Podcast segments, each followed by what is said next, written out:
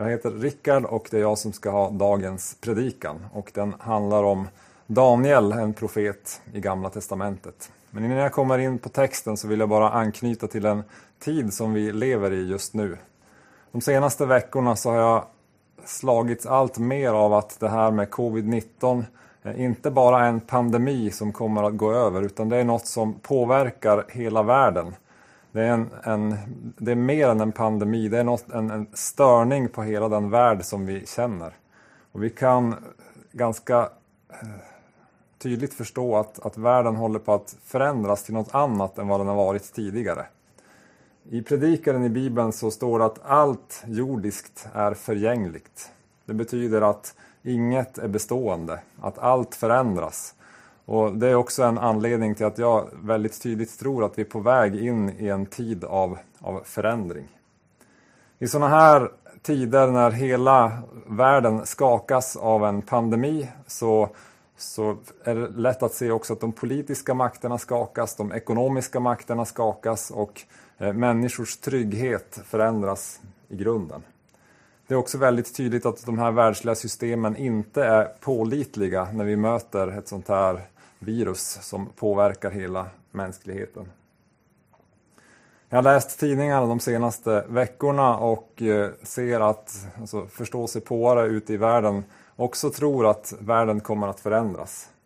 Eh, en del pekar på politiker i olika länder som vill eh, ta, ta mer makt. Några förutspår att det kan bli krig om eventuella vaccin som kan komma att tas fram. Vi vet ännu inte om det ens är möjligt eh, att få fram ett vaccin. HIV finns inget vaccin emot så vi kan inte vara säkra på att det kommer att ske. Andra talar om handelskrig. Tonläget mellan USA och Kina i världen har hårdnat. Och de krigar också om både ekonomi och sanningen i, i allt det som sker just nu. Världsekonomin är instabil. Börserna har gått upp och ner, oljepriserna har gått upp och ner och det skakar i grunden i hela världen. Och i, mitt i det så är det somliga som kliver fram och skulle vilja ha en världsregering, någon som säger att så här ska det vara i hela världen. Det enda vi kan säga med säkerhet är att den här maktkampen, tävlingen om makten, kommer att pågå en period när saker och ting förändras och ruckas i världssystemen så, så träder nya aktörer fram som vill roffa åt sig pengar och makt. För så har det alltid varit och det kommer att vara så även nu. Det kan vi vara ganska säkra på. Det här ser mörkt ut, men i sådana här tider så brukar det också väldigt ofta komma ett fönster från himlen. En, ett fönster som Gud tittar in i och tittar in på världen människors hjärtan öppnas för att ta emot Guds sanning, Guds ljus och Guds liv. När hoppet, när tilliten till de världsliga systemen faller, då finns Gud där och han har öppnat sitt fönster. Jag tror att vi går in i en sån period. Och här kommer vi då in till berättelsen om Daniel i, i Gamla Testamentet. Det finns i Daniels bok. Det här händer ungefär 550 år före Kristus, så det är väldigt länge sedan. Men det är också en turbulent tid i världen. Babylon har invaderat Jerusalem. Daniel och några av hans kamrater tas som krigsbyte och förs till Babel tillsammans med skatterna från, från templet. Och måste tjäna i den nya kungens palats och, och tjänst. Daniel är mest känd för berättelsen om lejongropen och vi ska, vi ska landa i den på slutet. Men, men det jag vill fokusera på i dagens predikan det är, det är Daniels väg eh, fram till lejongropen. Om ni eh, känner till den här berättelsen så, så blev Daniel till stor välsignelse för, för många människor. Gud reste upp honom i en turbulent tid för att kunna vara till välsignelse i en främmande, en, ett främmande land, på ett främmande språk, på, på främmande mark. Jag tror att det finns något profetiskt i den här berättelsen till oss i den här tiden. För jag tror att Gud vill förbereda oss som är Guds folk. Gud vill förbereda dig på att kunna få vara till stor välsignelse för människor i den här tiden som kommer. Om vi tar huvuddragen i berättelsen om Daniel så har jag redan nämnt att han kom till Babel. Men han och hans kamrater ville inte överge sin gudsstyrkan. De höll kvar vid sina matregler de tillbad Gud tre gånger om dagen, vända mot Jerusalem och Gud välsignade dem. Det står om dem att de till och med blev eh, tio gånger klokare än kungens alla rådgivare. Om det är något vi behöver i den här tiden så är det klokhet, så är det vishet från Gud. Och det fick Daniel och hans vänner. Daniel visar sig också vara en profet. Han uttyder kungens drömmar och fick profetisk insikt av Gud i en främmande och ny tid. Det tror jag också att vi behöver, profetisk skärpa där vi kan lyssna in vad Gud säger till oss och till sin församling i den här väldigt märkliga och annorlunda tiden som vi går in i. Eh, sen visar det sig att det blir kamp. Eh, Daniels vänner de vägrar att tillbe eh, Nebukadnessars guldstaty. Då är Daniel någon annanstans så han utmanas inte. Men de vägrar att böja sig och de blir kastade i den brinnande ugnen. Det är en annan berättelse, en annan predikan, men Gud räddar dem. Och det pekar på att vi behöver vara modiga i den här tiden som vi går in i och Gud vill ge oss mod. Sen så tillträder Nebukadnessars son Belsassar och han hädar mot Gud och det leder till att han blir dödad. Och sen kommer då den tredje kungen på ganska kort tid som tar makten, som heter Darijaves. Och han låter da Daniel bli en av tre furstar i landet, så nu är han en av landets fyra mäktigaste män. Så det är en politiskt turbulent tid. Det är människor, kungar med storhetsvansinne, maktkamp, maktbegär. Det är där Daniel finns och verkar. Och han väljer noggrant att följa Guds väg. Han väljer noggrant att följa den smala vägen som jag predikade om för, för ett par veckor sedan. Och du, nu kommer vi till kapitel 6 i Daniels bok och det är där den här berättelsen om lejongropen kommer. Men jag vill börja med att fokusera på, på vers 3 5 i Daniel 6. Det står så här. Men Daniel utmärkte sig framför de andra furstarna och sapraterna, för han hade en ande utan like, och kungen övervägde att sätta honom över hela riket. Kungen övervägde alltså att göra honom till den viktigaste personen i hela det här världsriket. Då försökte de andra furstarna och satraperna finna något att anklaga Daniel för i det som gällde riket. Men de kunde inte finna något att anklaga honom för eller något brottsligt hos honom eftersom han var trogen i sin tjänst. Det fanns varken försumlighet eller ohederlighet hos honom. Då sa männen, vi lär inte hitta något att anklaga den där Daniel för ifall det inte gäller hans gudsstyrka. Vad är Daniels hemlighet? Varför blev han tio gånger klokare och visare än alla andra? Varför fick han en sån profetisk skärpa? Varför fick han mod att, som vi ska läsa i den här berättelsen, trotsa kungens hot om lejongropen? I den texten som vi precis har läst så framgår det först att det står om Daniel att han hade en, en ande utan like. Alltså han, han hade något som andra inte hade. Och vi som har läst Bibeln förstår att det handlar inte bara om honom som person utan att han har fått något av Gud. Han har fått något av den helige Ande i sitt liv. Och i Daniels fall så uttrycker det här sig som att han har fått insikt i alla slags skrift, vishet att förstå alla slags syner och drömmar. Så han har fått en gåva av Gud, en ande utan like. Bibeln talar om den helige ande och Jesus säger så här. Men när han kommer, sanningens ande, då ska han leda er in i hela sanningen. Han ska inte tala av sig själv, utan bara tala det han hör. Och han ska, ska förkunna för er vad som kommer att ske. Jesus säger också om den helige Ande att han är kraftens ande, att han är hjälparen. Och vid sin himmelsfärd, som vi firar på Kristi himmelsfärdsdag, säger Jesus Men när den helige Ande kommer över er ska ni få kraft och bli mina vittnen i Jerusalem, i hela Judeen och Samarien och ända till jordens yttersta gräns. Att bli vittnen, det handlar om att både se, att bevittna, men att också berätta om vad Jesus har gjort i hela världen, från Jerusalem och ända ut i världen. Och det är den helige Ande som, som ska ge oss kraft att göra det. Så för Jesus så, så är att få en ande utan like möjligt och tillgängligt för alla som tror på honom och vill gå på hans väg och vill följa honom. Hur får man tag, hur får man en ande utan like? Petrus predikar på pingstdagen i Jerusalem och säger så här. Omvänd er och låt er alla döpas i Jesu Kristi namn så att era synder blir förlåtna. Då får ni den helige Ande som gåva.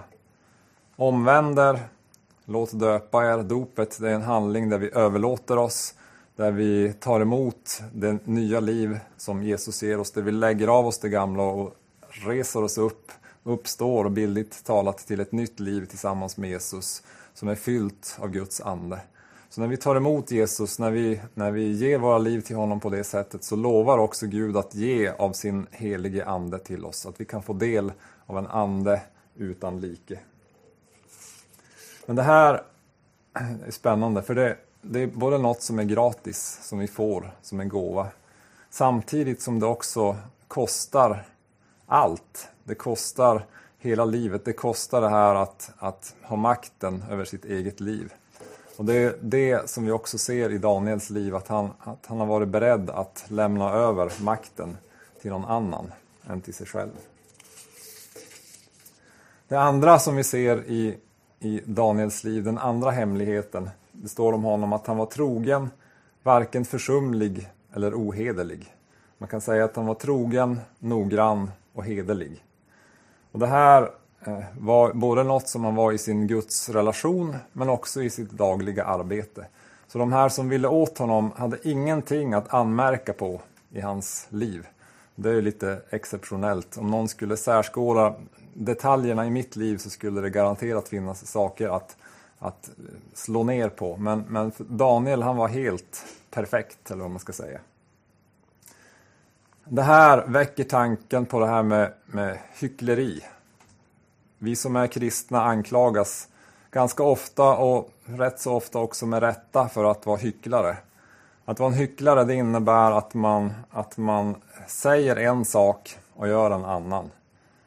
Att man eh, predikar en sak men lever sitt liv på ett annat sätt. Till exempel att man predikar att girighet är synd samtidigt som man fuskar med deklarationen.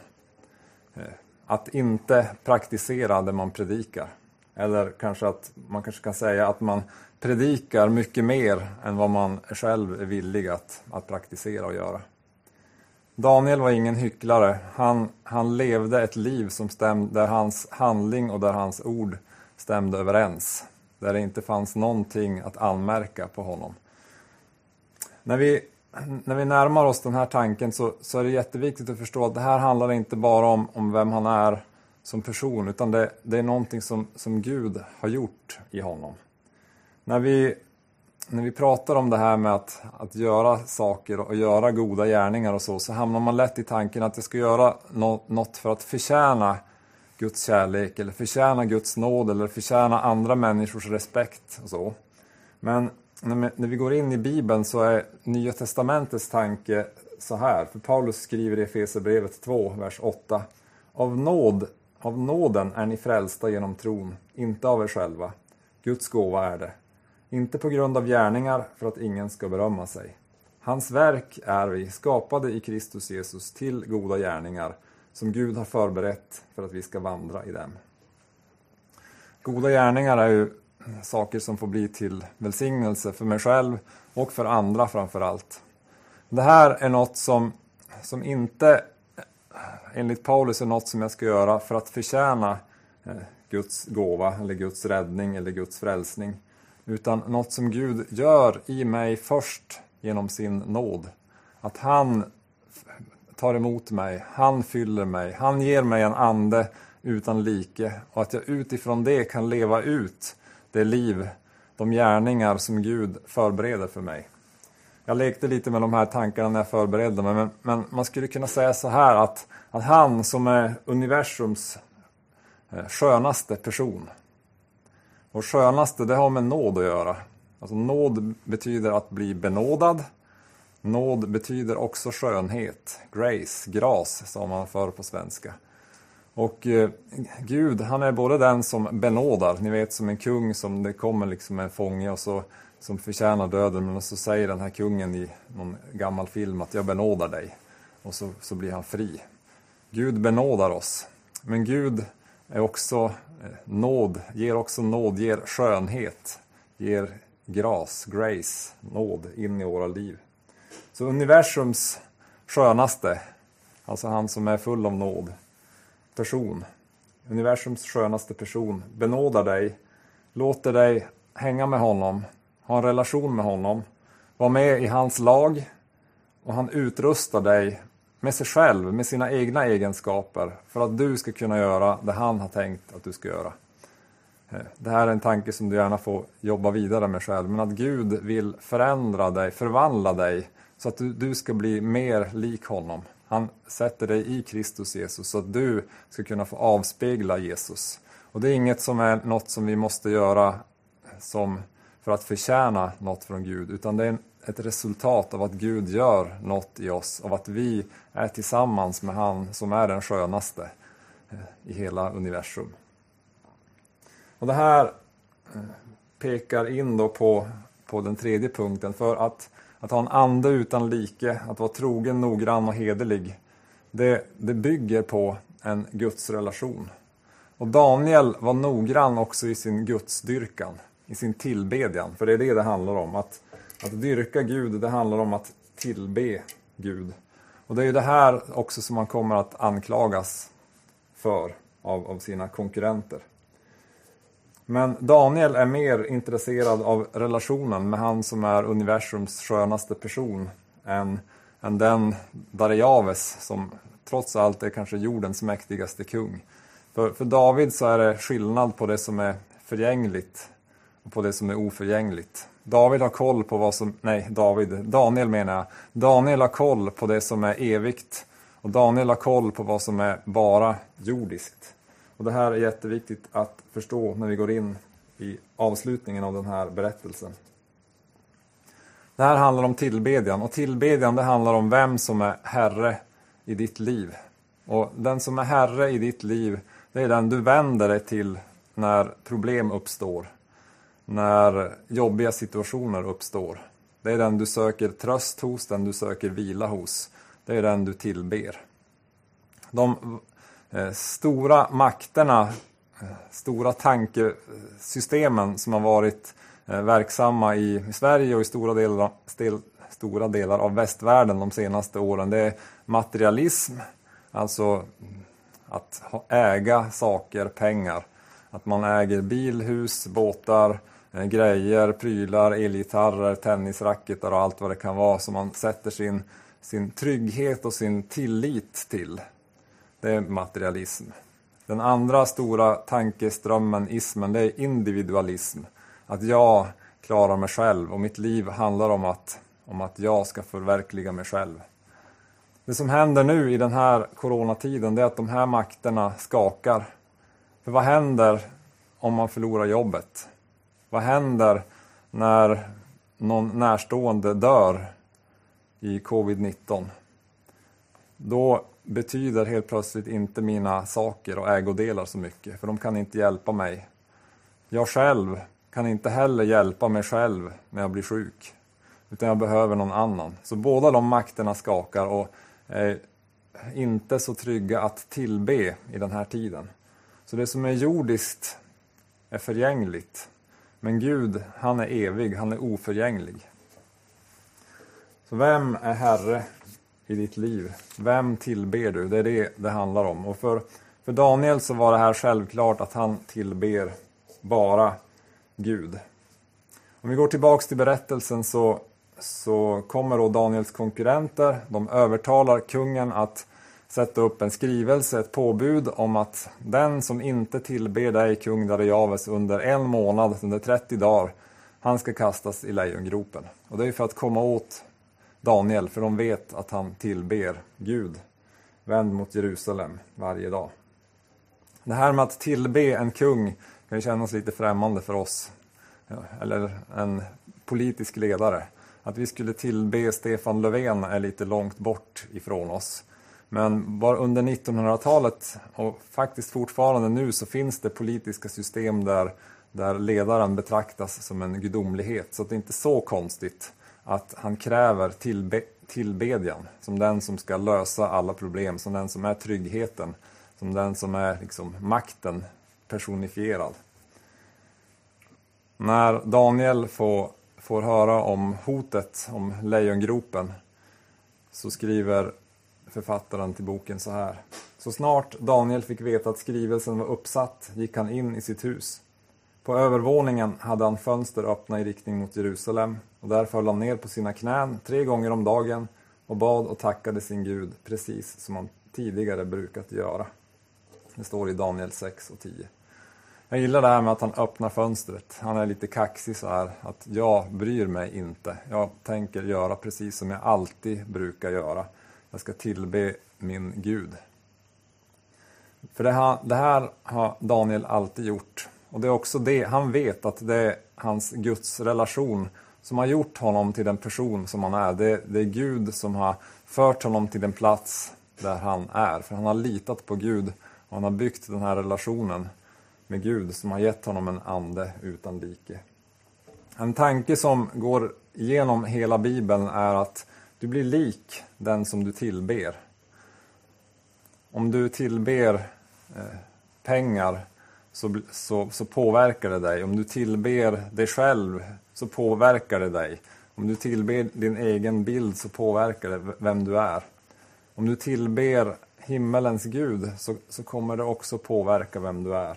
Och Det är därför Daniel har blivit en avbild av sin skapare. Daniel liknar Herren för han har tagit mycket tid i relation med honom. Så det som, hans reaktion, det som kommer ut ur honom är en, ett utflöde av, av den Guds relation, den Guds tillbedjan som, som Daniel lever med. Det här ska vi se också är ju en, en profetisk hint om Jesus själv som, som ska komma längre fram för att dö för våra synder och uppstå igen för att ge oss evigt liv. Daniel går ner i lejongropen och han uppstår bildligt talat från, från de döda. Så det är en, en bild på, på vad Jesus också kommer att göra. Så även i det liknar Daniel sin Herre, sin Gud. Darjaves känner sig tvingad att följa sitt påbud. Han vill egentligen inte, men han kan inte ta tillbaka sitt ord. Så han måste sätta Daniel i lejongropen. Det står om kungen att han vakar och fastar hela natten. Herren sänder sin ängel och håller igen lejonets käftar och Daniel överlever i den här berättelsen. När han hade tagits upp kunde man inte se någon skada på honom eftersom han hade litat på sin Gud.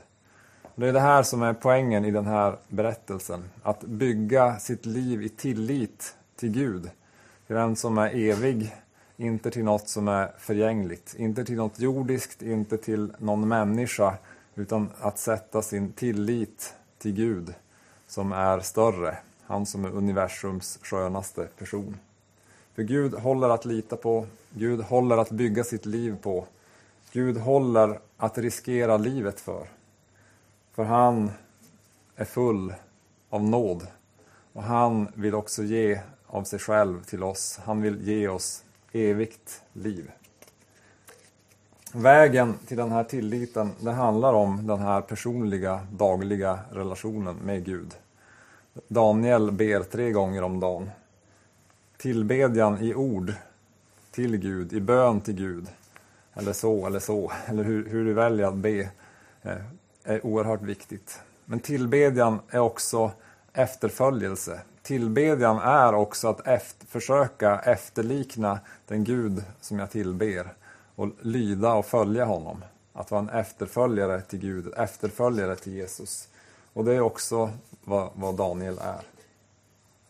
Jag tror att Gud vill använda den här tiden som vi är inne i och som vi är på väg in i för att möta oss, för att göra oss starkare i tron, för att ge oss en ande utan like. Gud vill ge dig en ande utan like. Den helige ande är tillgänglig för dig att ta emot, men också att upptäcka och förstå, att eh, förstå de gåvor som han ger och sådär.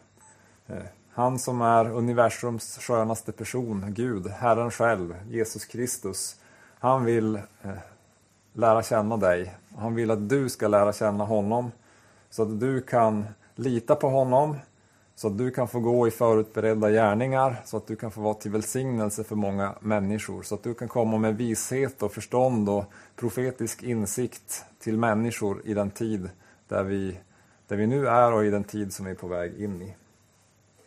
Till avslutning till den här predikan så vill jag eh, be en bön av överlåtelse och tillbedjan tillsammans med dig. Jesus Kristus, du som är universums skönaste person. Dig vill jag tillbe i ord och handling. Jag överlåter mig till dig och vill tjäna dig med mitt liv. Jag ber att du ska ge mig en ande utan like och att du ska hjälpa mig att leva troget, noggrant och hederligt. Jag ber att jag ska få vara till välsignelse. Hjälp mig att alltid tillbe dig och tro på din räddning. Amen.